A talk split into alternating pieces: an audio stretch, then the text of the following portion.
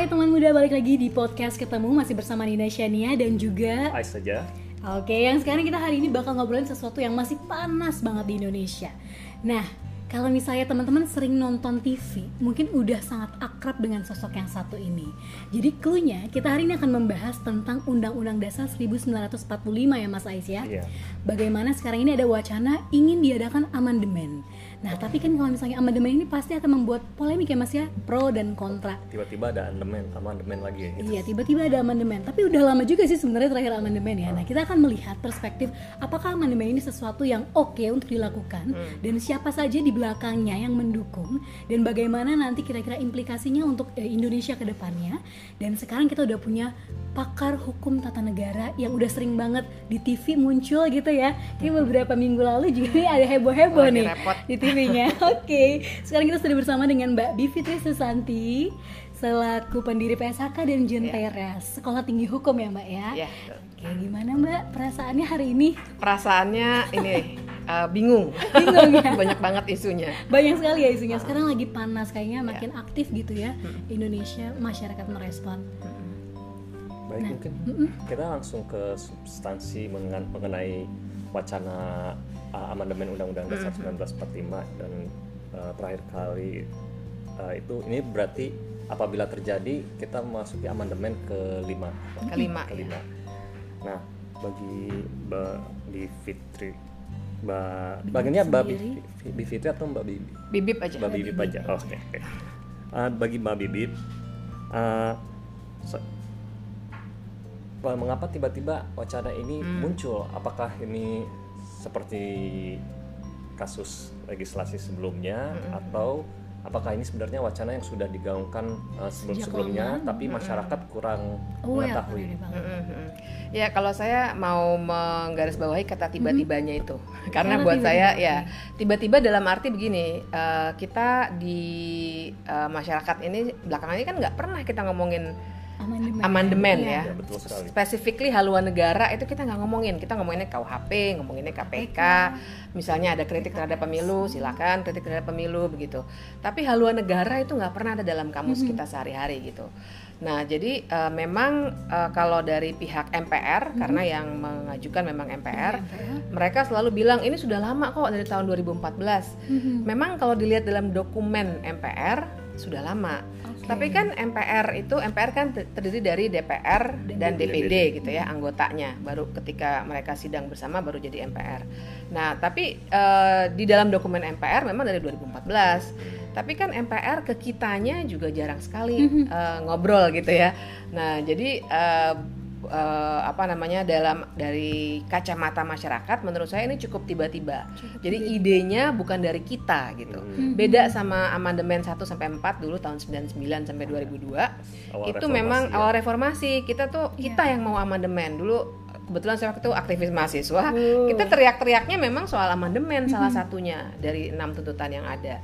Nah, jadi eh, 99 kemudian mulai amandemen. Jadi memang genuinely dari masyarakat, Masyarakat, gitu ya. betul. Nah, kalau sekarang kan kita nggak tahu apa-apa, tiba-tiba kata MPR dari dua- 2014 kok, tapi di kalangan MPR sendiri gitu.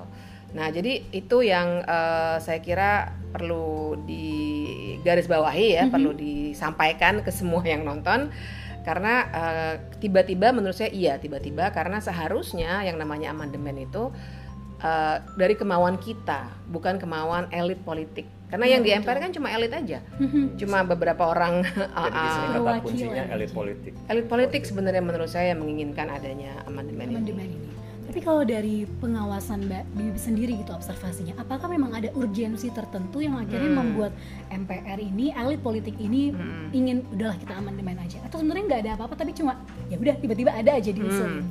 Menurut saya sih nggak ada urgensinya. Nggak ada ya? nggak ada. Karena kenapa? Gini saya mungkin masuknya dari eh, usulan awalnya ya. Kan usulan awalnya itu haluan negara. Nah haluan negara atau barangkali lebih sering dikenal dengan GBHN garis-garis besar haluan negara. Di zaman Orde Baru seperti ya. zaman Orde Baru itu kan dulu ada karena uh, presiden dipilih oleh MPR, Betul. sehingga MPR memberikan mandat kepada presiden. Makanya dibilangnya presiden mandataris MPR dulu, zaman dulu nih. Se- uh, mandatnya itu dalam bentuk GBHN. Mhm. Nah sekarang itu kan, uh, oh ya dan GBHN itu juga bisa digugakan oleh uh, MPR untuk menjatuhkan presiden, Presiden. dulu. Nah sekarang ini setelah amandemen 99 2002 kita nyoblos sendiri kan, Iya, betul. Uh, apa secara presiden langsung. pilih secara langsung Eksekutif. seperti 17 April kemarin ya. Nah jadi uh, presiden uh, tidak mendapat mandat dari MPR, dia dapatnya mandat langsung dari, Dari kita. rakyat ya. dan eh, pas ketika mau diturunkan pun eh, tidak bisa diturunkan sembarangan. Karena justru eh, ciri khas sistem presidensil itu adalah fixed term of office istilahnya. Jadi lima tahun itu harus fix. Atau kalau di Amerika empat tahun ya kalau di kita lima tahun. Itu harus fix tidak bisa diturunkan di tengah masa jabatannya karena alasan politik kalau alasannya adalah eh, hukum misalnya dia eh, nyuap korupsi itu bisa Melanggar diproses undang-undang. melanggar undang-undang melalui Mahkamah Konstitusi. Jadi betul-betul sudah lebih konsisten lah sistem presidensial kita. Nah jadi eh, GBHN tidak relevan. Buat apa ada GBHN? Kan pertanyaannya gitu orang nggak ada gunanya. Saya nggak dampak hukumnya nggak ada gitu. Jadi eh, dampak hukumnya tidak ada satu. Kenapa tidak urgen gitu ya? Pertanyaan tadi kan seperti itu. Iya. Dan yang kedua juga dampak ke masyarakatnya nggak ada, Nggak ada. gitu. Jadi eh, kalau mungkin kalau dalam bahasa anak muda zaman sekarang tuh unfaedah gitu. Nggak nggak ada ya. nggak ada dampaknya. Nambah-nambahin kerjaan Nambahin mungkin kerjaan ya. aja ke kita juga nggak ada soalnya. Soalnya kan kita butuhnya presiden yang kerja berdasarkan program dia kan Betul, butuhnya seperti itu. janji-janji politiknya dulu gitu ya. Persis eh, haluan negara itu isinya eh, sebagai peneliti ya bidang hukum tata negara itu isinya ngawang-ngawang semuanya. Wow. Yang menurut saya ya kalau kita butuh kalau memang dibutuhkan haluan negara seperti itu, kita punya namanya konstitusi dan Iya. Pancasila. Mhm. Pancasila bahkan sekarang ada BPIP ya yang juga menerjemahkan lebih jauh penerapan Pancasila sih seperti apa gitu ya. Buat saya itu cukup gitu. Justru kalau misalnya eh, dibatasi yang namanya haluan negara itu harus begini presiden pokoknya 100 tahun tuh jalannya negara harus begini. Dalam penyelenggaraan atau pengelolaan negara modern sekarang ini itu akan membatasi inovasi Iya betul. gitu. Kalau memang melanggar hukum, ya ada konstitusi, silakan aja diproses. Ada undang-undang, misalnya undang-undang pemerintahan daerah gitu ya. Dan yang lebih penting adalah ada undang-undang tentang sistem perencanaan pembangunan nasional Hmm. tahun 2004. Jadi kalau misalnya levelnya teknokratik yang pembangunan, ada itu Eh, kita sudah punya rencana pembangunan jangka panjang dan rencana pembangunan jangka menengah yang lima tahunan. Jangka panjang tuh 25 Disusun oleh tahun. Presiden dan parlemen. Eh, Kalau karena di itu parlemen. ya karena itu undang-undang kalau rencana pembangunan jangka panjang presiden dan DPR tapi prosesnya itu memang ada musrenbang namanya jadi di Oh, daerah-daerah langsung dari dari masyarakat ya. Nah, kalau RPJM yang lima tahunan biasanya mengikuti masa jabatan presiden Mhm. itu eh, lebih bagus lagi biasanya karena betul-betul ada musrenbang itu musyawarah perencanaan pembangunan dari daerah naik lagi naik lagi sampai tingkat pusat gitu. Jadi secara teknokratik udah ada gitu. Sudah ada. makanya saya bilang dampaknya jadi apa? Misalnya dokumennya ada terus nggak ada dampak hukumnya nggak ada dampak ke masyarakatnya gitu Jadi ibarat cuma simbol doang ya. ya kalau kayak akhirnya gitu. jadi seperti itu Oke, menarik sekali ya Bang ya. Tapi kalau misalnya kita lihat lagi di parlemen, dari partai-partai sendiri juga punya pro dan kontra. Ada yang mendukung misalnya kayak Gerindra, Nasdem, dia mau menyeluruh amandemen UUD 1945 gitu. Sedangkan ada memang beberapa uh, fraksi yang fokusnya hanya untuk GBHN aja nih. betul. Kayak PDIP, PKB, PAN. Sama ada yang menolak sama sekali Golkar, PKS dan Demokrat. Demokrat. Nah, menurut Mbak sendiri kenapa sih akhirnya kayak mereka punya pandangan yang berbeda-beda Hmm.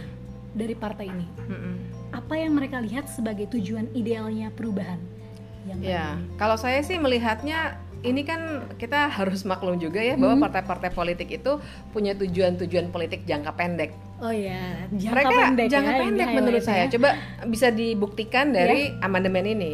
Karena eh, PDIP misalnya ya, Iya. mereka memang sangat mendorong haluan negara. Bahkan keluar waktu Kongres PDIP di Bali kan. ya Nah, eh, ketika saya berdiskusi dengan beberapa beberapa orang PDIP, eh, tujuannya salah satunya adalah supaya kita jangan ganti-ganti dong gitu. Maksudnya eh, kok visi tergantung presiden. Ini pandangannya PDIP ya. Saya diskusi dengan mereka. Terus daerah-daerah itu kok visinya beda-beda. oke Nah, jadi wak- waktu itu kan saya men, apa men-challenge-nya waktu itu lah ini kan negara modern, Pak gitu. Jadi kita nggak bisa uh, satu nyetir ya satu harus Mhm. begini. Seperti memang kalau diambil contohnya itu bisa diperhatikan negara-negara komunis biasanya. Iya. seperti di Cina. Itu memang mereka fix. 100 tahun arah pembangunan harus begini.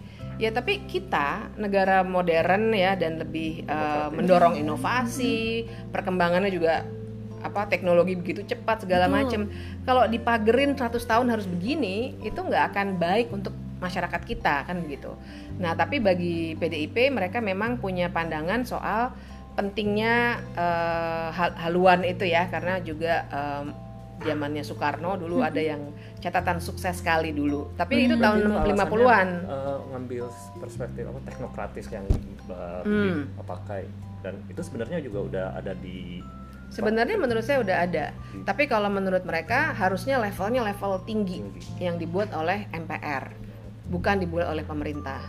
Nah sementara itu kalau eh, dan kita juga mesti lihat hati-hati juga ya gitu menurut saya. Kalau misalnya GBHN masuk, maka bisa jadi lanjutannya adalah nanti MPR jadi lembaga tertinggi lagi dan itu nggak bagus buat demokrasi kita. dan saat ini MPR sudah bukan lagi lembaga Oh tertinggi bukan, kan? Ha, ha. Semuanya dia rata ya, uh, semuanya rata. ada. Apa namanya tuh kedudukannya setara. Setara. Jadi ada checks Check and and balances balance. gitu. Kalau misalnya MPR tinggi sendiri, dialah nanti yang memutuskan untuk semuanya. Mhm. Karena dulu konsepnya MPR itu uh, apa ya tempat seluruh kedaulatan rakyat disalurkan. Mhm. Tahun 45 nih karena pemikirannya Pak Supomo dulu namanya konsep negara integralistik gitu. Integralistik. Bag- yang mana menurut saya udah nggak cocok dengan kondisi sekarang gitu dan udah banyak banget kritiknya sih Eh, nah itu eh, PDIP tapi misalnya lagi eh, Gerindra misalnya kalau Gerindra pandangannya waktu saya berdiskusi dengan mereka salah satunya adalah oh nggak bisa kita ngomonginnya kesejahteraan dong Ya. Eh, pasal 33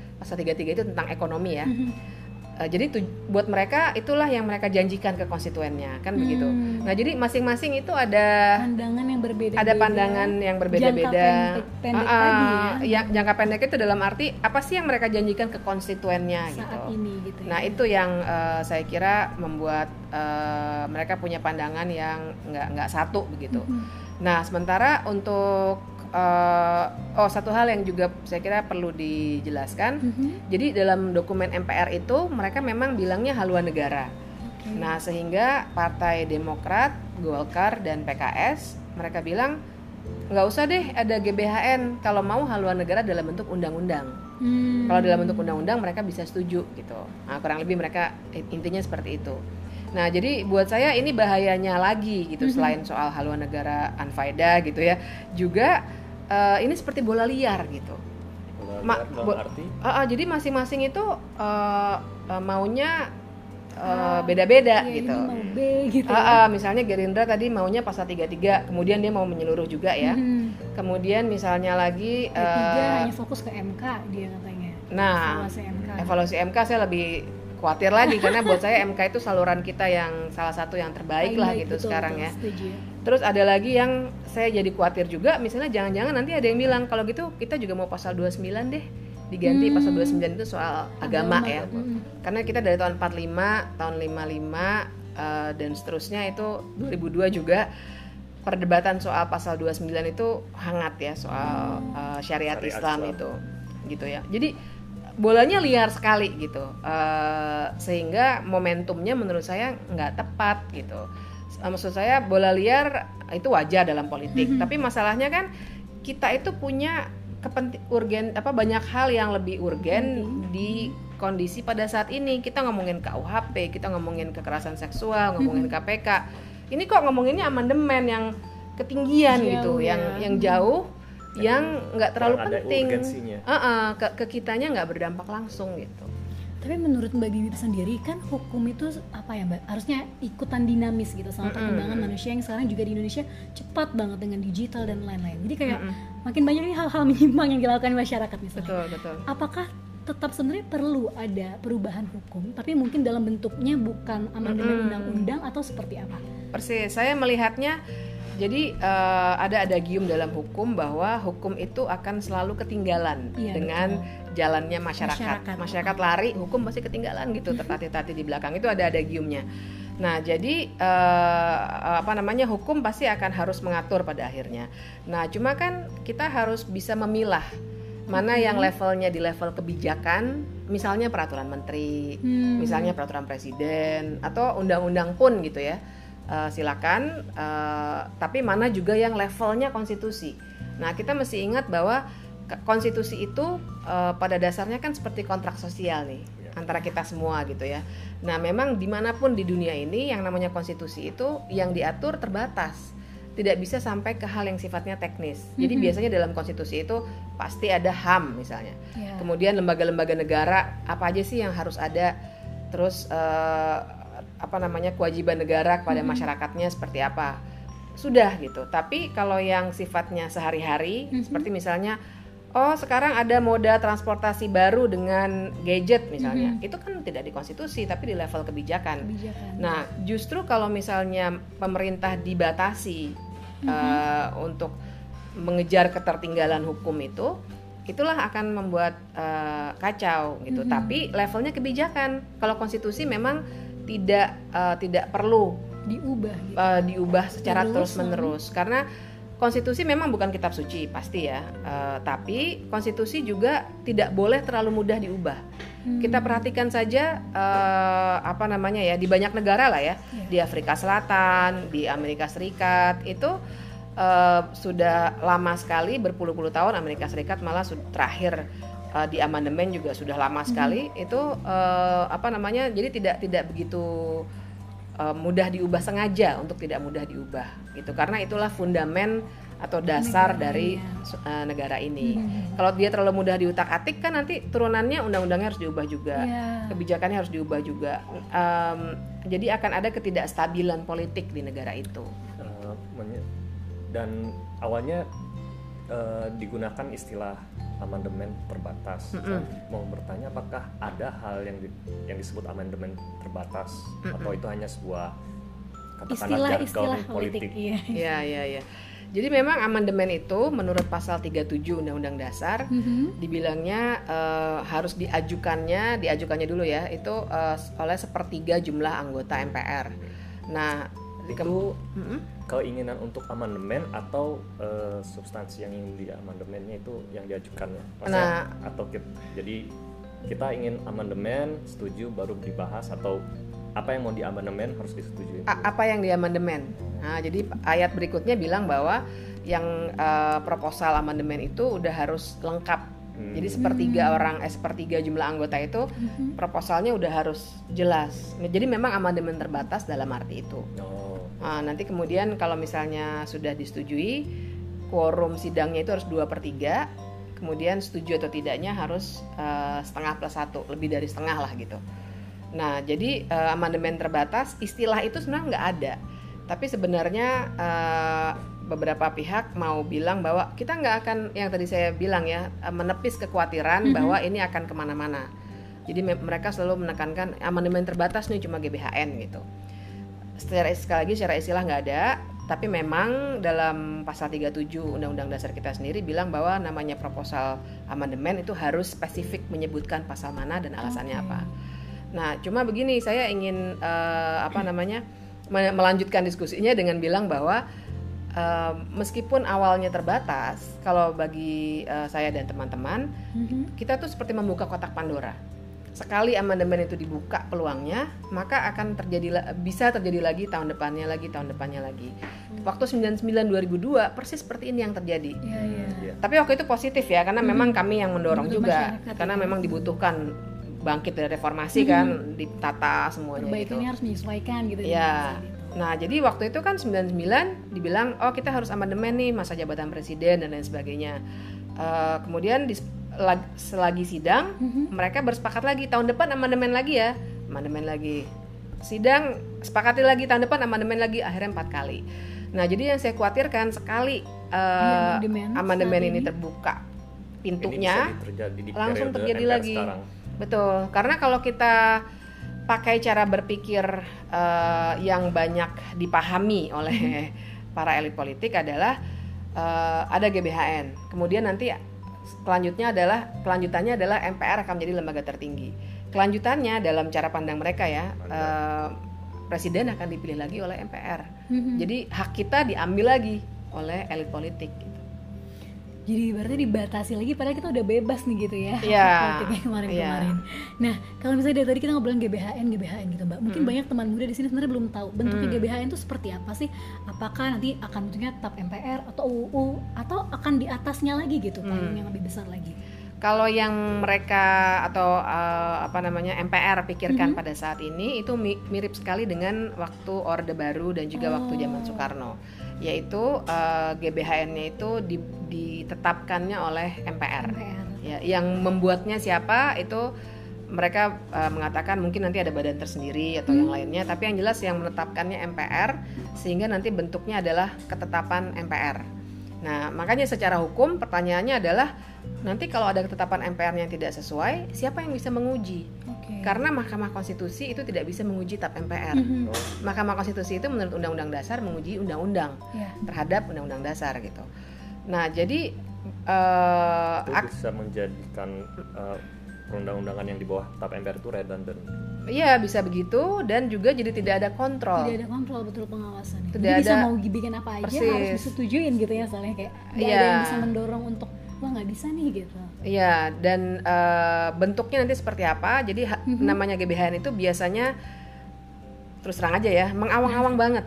Jadi biasanya eh, apa ya wawasan Nusantara harusnya eh, memperhatikan semua kepentingan masyarakat berbeda-beda suku. Bahasanya seperti itu. Jadi eh, silakan misalnya saya kira kalau mau di web search akan ketemu si GBHN pada masa Orde Baru kalau kalau eh, pada penasaran gitu ya. Itu akan ketemu bahasanya seperti itu, tidak konkret. Nah, itu bedanya dengan RPJM dan RPJP. Karena kalau RPJM itu ada tolak ukur keberhasilan eh, apa namanya? ada jangka waktunya kapan. Jadi bisa diukur. Penyelenggara negara modern kan yang dibutuhkan justru seperti itu Iya. Ya ininya targetnya apa nanti indikator keberhasilannya apa kemudian kita nilai berhasil atau tidak. Iya. yang nggak berhasil diperbaiki. Nah kalau GBHN itu mengawang-awang betul. Yang eh, seperti naskah pidato kalau kalau ya kalau ya, menggambarkannya gitu saya. Karena su- susah menggambarkannya tapi seperti naskah pidato mungkin naskah kampanye lah gitu ya. Jadi Hmm. eh, sulit sekali diukur gitu. Ya berarti benar-benar nggak ada yang jelas tuh harus gimana sih misalnya kalau ngomongin tentang wawasan Nusantara apa yang dilakukan aplikasinya tuh nggak ada gitu ya mbak itu. Eh, biasanya tidak setajam itu Hmm. Ya, jadi namanya haluan negara dan dan kecenderungannya adalah karena dikatakan itu jangkanya panjang bisa eh, 10 tahun, 25 tahun, bahkan yang mereka sering kutip itu di Cina katanya 100 tahun. Ya, tapi sekali lagi itu negara komunis, Iya, beda gitu ya. dengan kita. Jadi eh, karena jangkanya panjang, kecenderungannya mereka juga nggak akan mengatur terlalu detail gitu. Makanya dikasihnya yang eh, ya koridornya aja lah gitu, nggak nggak sampai detail sehingga nanti silakan ber ini sendiri apa namanya menerjemahkan sendiri. Nah kan menurut saya makanya dengan dengan konsep seperti itu maka menurut saya adalah kalau gitu kita nggak nggak perlu kan Mhm. gitu karena kalau yang cuma pagar-pagarnya aja kita udah punya di konstitusi Mhm. ada di Pancasila juga itu menurut saya udah haluan negara sekali gitu Eh, ap- mm, toh kalau misalnya jangka panjang mereka nggak akan sampai ke detail Mhm. Ya jadi dilematis juga ya. Sebenarnya masyarakat juga nggak melihat urgensinya apa, tapi pemerintah kok kayak ayo ayo ayo kita bikin gitu. ya Ma- Padahal makanya kalau makanya kalau menurut saya sih Mhm. saya sama teman-teman kan gini kalau sebegitu tidak bermanfaatnya nggak ada dampaknya kok ngotot banget sih Iya. Nah, karena itulah makanya nggak salah kalau misalnya kami punya ya kecurigaan lah ya, Hmm, apa tuh mbak? Eh, kecurigaan bahwa sebenarnya yang diincer beyond GBHN-nya. Apa tuh mbak yang Beyond GBHN? Yang tadi- Itu yang yang tadi ya. saya jelaskan. eh, GBHN cuma buat pintu masuk aja. Setelah Tapi itu untuk perubahan-perubahan selanjutnya. perubahan selanjutnya, terutama menempatkan kembali MPR sebagai lembaga tertinggi Tertinggi. negara dan kemudian eh, pemilihan presiden dikembalikan ke MPR. Mhm. Nah, eh, kenapa kami punya kecurigaan itu dengan cukup kuat? Karena kami melihat bahwa eh, banyak sekali elit politik nih di dalam partai sebenarnya mulai eh, nggak happy lah gitu ya melihat bahwa kewenangan yang dulu semuanya di tangan mereka nentuin presiden aja kan dulu di tangan mereka. Iya. Ingat dulu mereka udah tidak suka dengan Gus Dur, Gus Dur dijatuhkan, Megawati dinaikkan jadi presiden. Siapa yang melakukan itu? MPR. MPR. Karena dulu MPR punya wewenang itu. Nah sekarang kan ibaratnya ini eh, Pak Jokowi misalnya sekarang berhasil menjadi presiden, Mhm. padahal kalau dilihat dalam struktur partai, dalam struktur partai ya, dia siapa sih? Iya. Tapi tiba-tiba karena dia begitu, ya. ah, karena dia begitu populer di kalangan masyarakat dan Mhm. kita sendiri yang nyoblos, dia berhasil jadi uh, Presiden. presiden, gitu. Tentu saja kalau saya elit politik, saya akan wah sialan nih dulu Anak saya bisa, nih, gitu. ah, saya dulu bisa ngatur siapa yang bisa jadi presiden, sekarang nggak bisa lagi gitu. Oke. Nah jadi kecurigaan kami sih sebenarnya step berikutnya yang diincar begitu, karena ya itu haluan negara sebenarnya nggak bermanfaat Penting. kok, ngotot betul gitu. Jadi mbak sebenarnya selain AU apa, amandemen undang-undang ini, selain GBHN, ada Hmm. agenda apa lagi sih yang sekarang lagi lagi, lagi panas juga gitu? Yang dari dulu sebenarnya ingin dimasukkan itu eh, DPD ya DPD. Dewan Perwakilan Daerah itu menginginkan supaya kekuatannya lebih lebih eh, lebih Lebih banyak lah gitu karena kan mereka sekarang seperti anak bawang ya misalnya DPR bisa bikin undang-undang dia Iya. cuma bisa mengusulkan Hmm. gitu nah setelah itu eh, yang juga ramai saya kira soal eh, presiden, eh, Presiden masa, jabatan, Oh, Iya. menarik Eh, ini. apakah cuma sekali aja tapi lebih panjang 8 Mhm. Eh, tahun ya Uh, uh, Ya, ide. atau Bisa uh, tiga periode. tiga periode bahkan gitu itu juga hangat gitu yang mana buat saya sih masa jabatan presiden buat saya itu udah sudah pas satu periode juga nggak cocok karena nanti uh, dalam ilmu politik itu ada ada teori-teorinya mereka presiden jadinya nggak punya insentif ataupun disinsentif kalau cuma sekali. Dia nggak akan berusaha keras untuk memerintah dengan baik karena dia tahu Ya saya udah nggak udahlah akan gitu. dipilih lagi nggak bisa dipilih lagi gitu. Jadi sebaliknya dia juga uh, bisa semau maunya jadi otoriter karena dia pikir ya udahlah aku nothing tulus karena nanti nggak akan bisa dipilih lagi Sebenarnya dengan sistem sekarang ada kesempatan buktikan dulu lima tahun baru setelahnya kalau apabila dipilih kembali baru bisa lebih lama. ya Kalau misalnya tiga tiga periode menurut Mbak Bibit nggak oke juga nih. menurut saya sih terlalu lama. Terlalu lama. biasanya uh, ada gium power tends to corrupt uh, absolute power corrupts absolutely itu uh, kita bisa refleksikan sendiri. Menurut saya itu juga ada betul. trauma sejarah juga ya. betul. Itu kecenderungannya eh, udah nyaman gitu ya. Nanti pemerintahannya jadi nggak efektif lagi dan kalau misalnya kenyamanan itu mau dilanggengkan nantinya bisa-bisa ada upaya-upaya nanti bisa jadi bikin presiden seumur hidup lagi gitu. Terlalu lama lah kalau tiga kali. Apalagi kita lima tahun kan jadi 15 tahun. Kalau melihat gini Mbak, misalnya kan sekarang banyak nih sekarang politik eh, politikus-politikus yang udah punya jabatan tinggi-tinggi, tapi kayaknya mereka udah gak punya kesempatan lagi untuk naik. Akhirnya sekarang mulai mendelegasikan anaknya atau siapanya. Betul, Jadi kayak betul. politiknya tuh keturunan yang naik untuk bisa dijual lagi nanti. Menurut Mbak Bibi sendiri gimana sih kayak perlu nggak sih ada undang-undang yang misalnya mengatur nggak boleh nih kalau anaknya Pak ini eh, bap- bapak ini udah jadi presiden sekian, tapi anaknya nggak boleh jadi presiden lagi nanti. Perlu nggak sih Mbak? Atau sebenarnya it's okay terbuka aja gitu?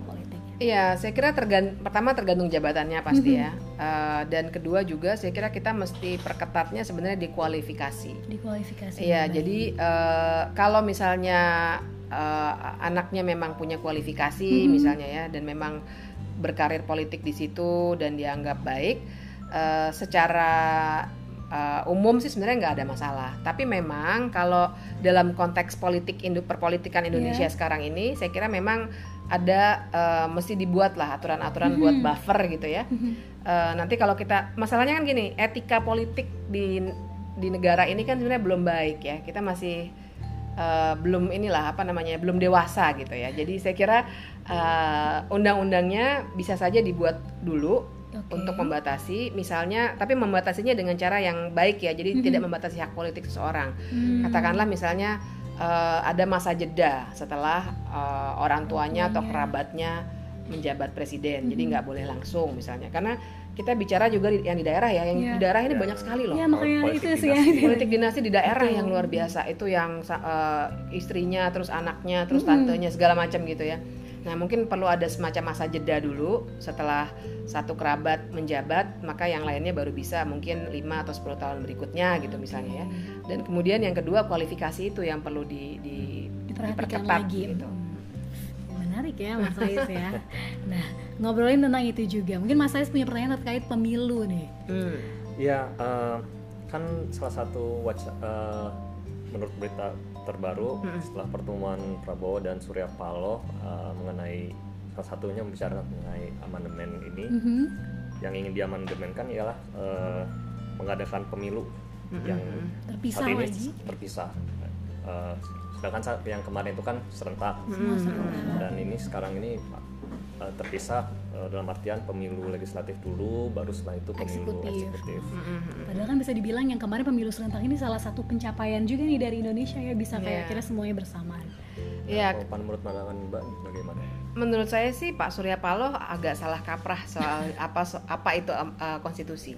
Waduh. Karena dalam soal uh, pemilu serentak atau tidak serentak dan lain sebagainya itu levelnya kalau istilahnya Mahkamah Konstitusi itu open legal policy. Open Itu legal adalah policy. kebijakannya pemerintah dan DPR ketika membuat undang-undang. Oke. Jadi bukan di level undang-undang dasar sebenarnya. Ah. Ya, jadi eh, perhatikan aja untuk untuk pemilihan umum dan pemilihan presiden, pemilihan presiden terutama ya, itu cuma ada di pasal 6. Cuma itu aja yang pada dasarnya mengatur presiden itu dipilih langsung pada dasarnya ya. Mhm. Terus eh, bisa ada putaran kedua udah. Nah, rincinya bahkan yang namanya presidential threshold itu yang kemarin juga dipermasalahkan di Mahkamah Konstitusi dan saya dan teman-teman kalah sebenarnya. Eh, itu pun kan levelnya di undang-undang Hmm. bukan di undang-undang dasar.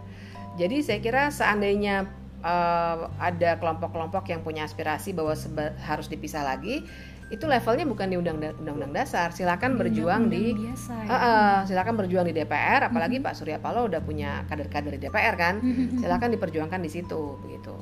Nah eh, dan mengenai eh, apa namanya eh, pemilu itu bareng-bareng, saya kira juga perlu dikaji lebih dalam tuh ya. Eh, kalau memang misalnya dip- dipisahkannya adalah antara yang pusat dengan daerah misalnya, Mhm. Nah, itu saya kira jadi alternatif yang cukup baik. Tapi bahwa eh, presiden dan DPR di tingkat pusat itu bersamaan, saya kira juga banyak nilai positifnya sebenarnya ya. Banyak juga didorong oleh teman-teman masyarakat sipil ketika itu. Tapi bahwa kemarin banyak teknis yang eh, Berat- apa ya? ah, ah, berat sekali secara teknis bisa dipahami karena negara ini begitu luas gitu ya. Eh, jumlah penduduknya begitu besar. Jadi misalnya perlu dikaji katakanlah pusat-pusat dulu presiden DPR, kemudian daerah DPRD-nya dan DPD mungkin agak dipisah harinya begitu. Bisa saja seperti itu.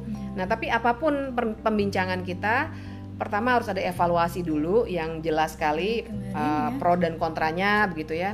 Uh, kemarin itu kelemahannya apa saja, termasuk ada yang kelelahan dan meninggal dunia itu saya kira mesti jadi catatan penting.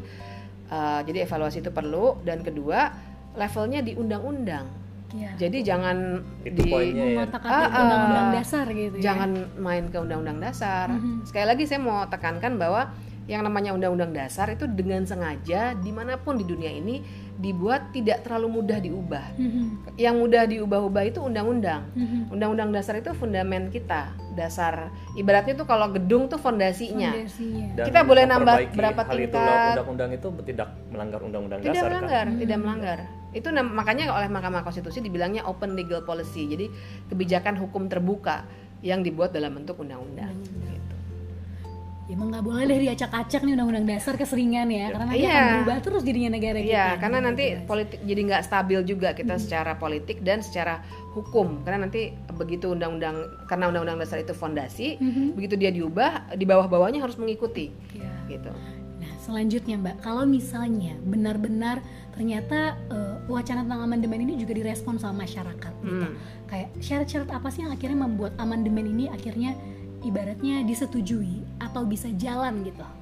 Ya, eh, menurut pasal 37 tadi yang saya sempat Mhm. sebutkan sedikit, pasal 37 Undang-Undang Dasar, eh, semua proses amandemen ini pada akhirnya tergantung pada MPR. MPR. Ya, makanya saya mendorong sekali, saya dan teman-teman mendorong hati-hati deh. Kalau memang tidak perlu, mendingan tidak usah dibuka sama sekali kemungkinan ini. Hmm. Jadi biarkanlah amandemen itu hanya terjadi ketika ada peristiwa politik luar biasa, seperti kemarin dari Ya. reformasi, dari masa Orba, zaman Soeharto mm-mm, ke reformasi. Itu memang milestone yang luar biasa penting ya dalam kehidupan kenegaraan kita. Jadi perlu amandemen. Tapi kalau kita sekarang relatif stabil, Mhm. stabil dalam arti yang Tidak situasi ada politiknya ya memang kon- konstitusional. Ah, nggak ada krisis konstitusional betul Semen- kita ributnya di level am- eh, KPK KUHP begitu kita selesaikan di situ aja tapi eh, konstitusinya eh, sebenarnya tidak perlu nah kenapa saya menekankan itu sebelum menjawab pertanyaan eh, apa namanya Mbak Nina tadi karena kalau misalnya kita sekarang nih nggak setuju KUHP, Ya. kita bicara dengan Pak Presiden. Mhm. Pak Presiden bisa bilang tunda dulu. Kalau kalau responsif kan begitu ya. Eh, begitu juga KPK. Kita sekarang punya opsi walaupun belum pasti tapi kita punya opsi minimal Perpu, judicial review dan legislative review. Amandemen itu nggak ada sepenuhnya wewenangnya MPR. Presiden mau intervensi juga nggak bisa. Hmm. Mau Perpu ya nggak bisa namanya juga konstitusi. Dan mau judicial review apalagi karena bukan kewenangan bukan kewenangan MK. MK gitu. Nah, jadi hati-hati sekali ini kalau mau amandemen. Hmm. Nah, eh, di atas kertas em, harusnya kita sebagai rakyat bilang kepada wakil kita jangan amandemen dong gitu.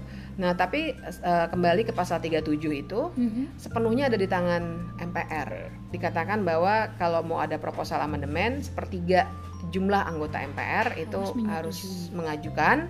Kemudian Total. sidangnya itu dua per tiga dari jumlah anggota MPR harus hadir. Kemudian sampai dengan eh, pasal yang mau diamandemen itu disetujui itu harus setengah plus satu setengah plus uh, mayoritas dari yang hadir gitu ya. Sebenarnya itu. Nah, cuma ya itu tadi yang saya bilang, kitanya sendiri akan sangat sulit untuk intervensi Mhm. gitu. Bahayanya sebenarnya di situ. Nah, eh, MPR itu sebenarnya bilang bahwa kita sosialisasi kok. Nah, buat saya yang namanya sosialisasi yang mereka lakukan selama ini itu top down. Iya. Jadi mereka bawa kita perlu GBHN ya gitu, terus Hmm. eh, ke universitas-universitas.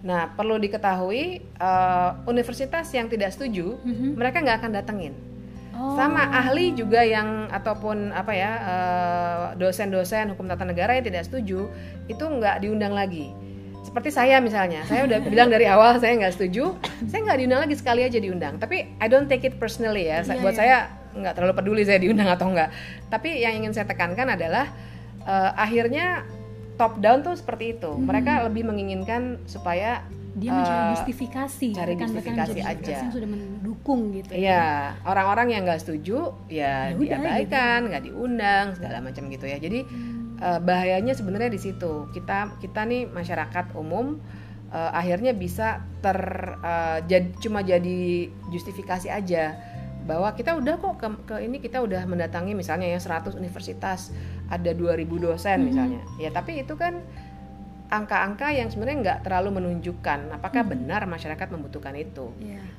Jadi nggak bottom up gitu ya mbak ya, malah kayak memaksakan yang memang udah ada gagasannya dari mereka.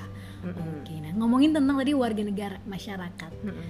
Kalau dari kita sendiri apa sih mbak yang bisa kita lakukan untuk bisa merespon misalnya apakah kita mendukung Hmm. atau menolak atau gimana? atau sudah telat karena sudah dilantik MPR Oh ya, telat sih untungnya belum telat. belum telat Ha-ha, karena memang yang mereka lakukan sekarang ini mereka sedang meminta MPR eh, badan pengkajiannya untuk melakukan kajian lebih lanjut sampai Ya. dengan proposal itu jadi. Nah jadi eh, tapi memang kita harus eh, intervensi dari sekarang menurut saya jangan sampai telat seperti KPK kemarin ya Ya. seperti KUHP juga ya agak eh, apa namanya kita agak ketinggalan di belakang gitu ya. Dari sekarang menurut saya kita mesti suarakan bahwa sebenarnya kita uh, Menolak menolak adanya adanya amandemen ini. ini karena buat saya itu itu tadi yang terpenting adalah jangan sampai hak kita untuk memilih presiden Mhm. diambil Dibatasi, lagi ya. gitu oleh uh, elit politik ini. Nah caranya seperti apa? Tentu saja ke partai-partai itu satu. Oke. Kemudian menurut saya sih lakukan apa yang bisa dilakukan lah, misalnya di sosial media, Hmm. tag siapa gitu ya Pak Jokowi kah atau uh, siapa pun ya partai-partai di uh, di Twitter kah atau Mhm. apa untuk menyuarakan bahwa kita sebenarnya nggak nggak setuju nih dan kita kita selama ini nggak ngomongin amandemen kok kalian ngomongin amandemen sih Iya. ini nyambung nggak sebenarnya gitu dengan maunya kita Mhm. gitu dan ingin sekali saya juga menggunakan eh, apa namanya forum diskusi kita hari ini untuk Oke. bilang bahwa udah dong MPR nih gini loh MPR itu kan sebenarnya anggota DPR dan anggota DPD, DPD. yang baru mereka baru akan jadi MPR ketika mereka melaksanakan tugas-tugas konstitusional MPR Mhm. tugas konstitusionalnya itu cuma melantik presiden wakil presiden tanggal 20 nanti terus kalau ada pemakzulan ini akan sangat jarang terjadi kalau ada amandemen Mhm. dan eh, tahunan tuh mereka ketemu kan setiap tanggal 16 Agustus. Nah, tapi eh, MPR ini kayak mau nambah kerjaan, menganggap bahwa MPR itu lembaga tersendiri yang day to day emang ada kerjaannya. Mhm. Makanya mereka mau sosialisasi lah, mau bikinin proposal amandemen lah. saya sebenarnya ingin menghimbau pada mereka bahwa udahlah anggota DP anggota MPR yang anggota DPR kerja aja Iya. sebagai anggota DPR itu undang-undang banyak yang ngantri kok undang-undang PKS undang-undang untuk membenahi KPK dan lain Ya, sebagainya mungkin gitu ya sebagian uh, orang masih menganggap bahwa DPR sama MPR itu sebenarnya mirip Nah. ya padahal MPR itu lebih kayak forum forum. forum. Iya, sebenarnya dia tuh joint session gitu. joint session. Ah, Dia- joint session ya. Joint session sebenarnya baru MPR-nya itu baru ada, baru eksis ketika DPR dan DPD sidang bareng-bareng. Hmm. Nah, tapi di mata eh ini sampai 10 lagi pimpinan MPR-nya bagi-bagi kue kan. Cukup kaget loh kita ya. Sama, saya juga Banyak ini apa? sekali ini. Orang Mohon lembaga ini nggak ada kerjaannya pada dasarnya ya Iya, nggak ada iya, kerjaannya, tapi pimpinannya ada 10 dan ini semuanya berarti ada konsekuensi keuangan dan fasilitas dan protokoler gitu. Nah, eh, jadi mereka ber eh, apa ya membayangkan bahwa MPR itu lembaga tersendiri DPR, DPD, MPR. Iya. Padahal sebenarnya nggak eksis dia kalau nggak lagi menjalankan tugas konstitusionalnya itu gitu. Nah akibatnya apa? Mereka bikin kerjaan-kerjaan seperti sosialisasi empat pilar. Itu dananya besar banget loh.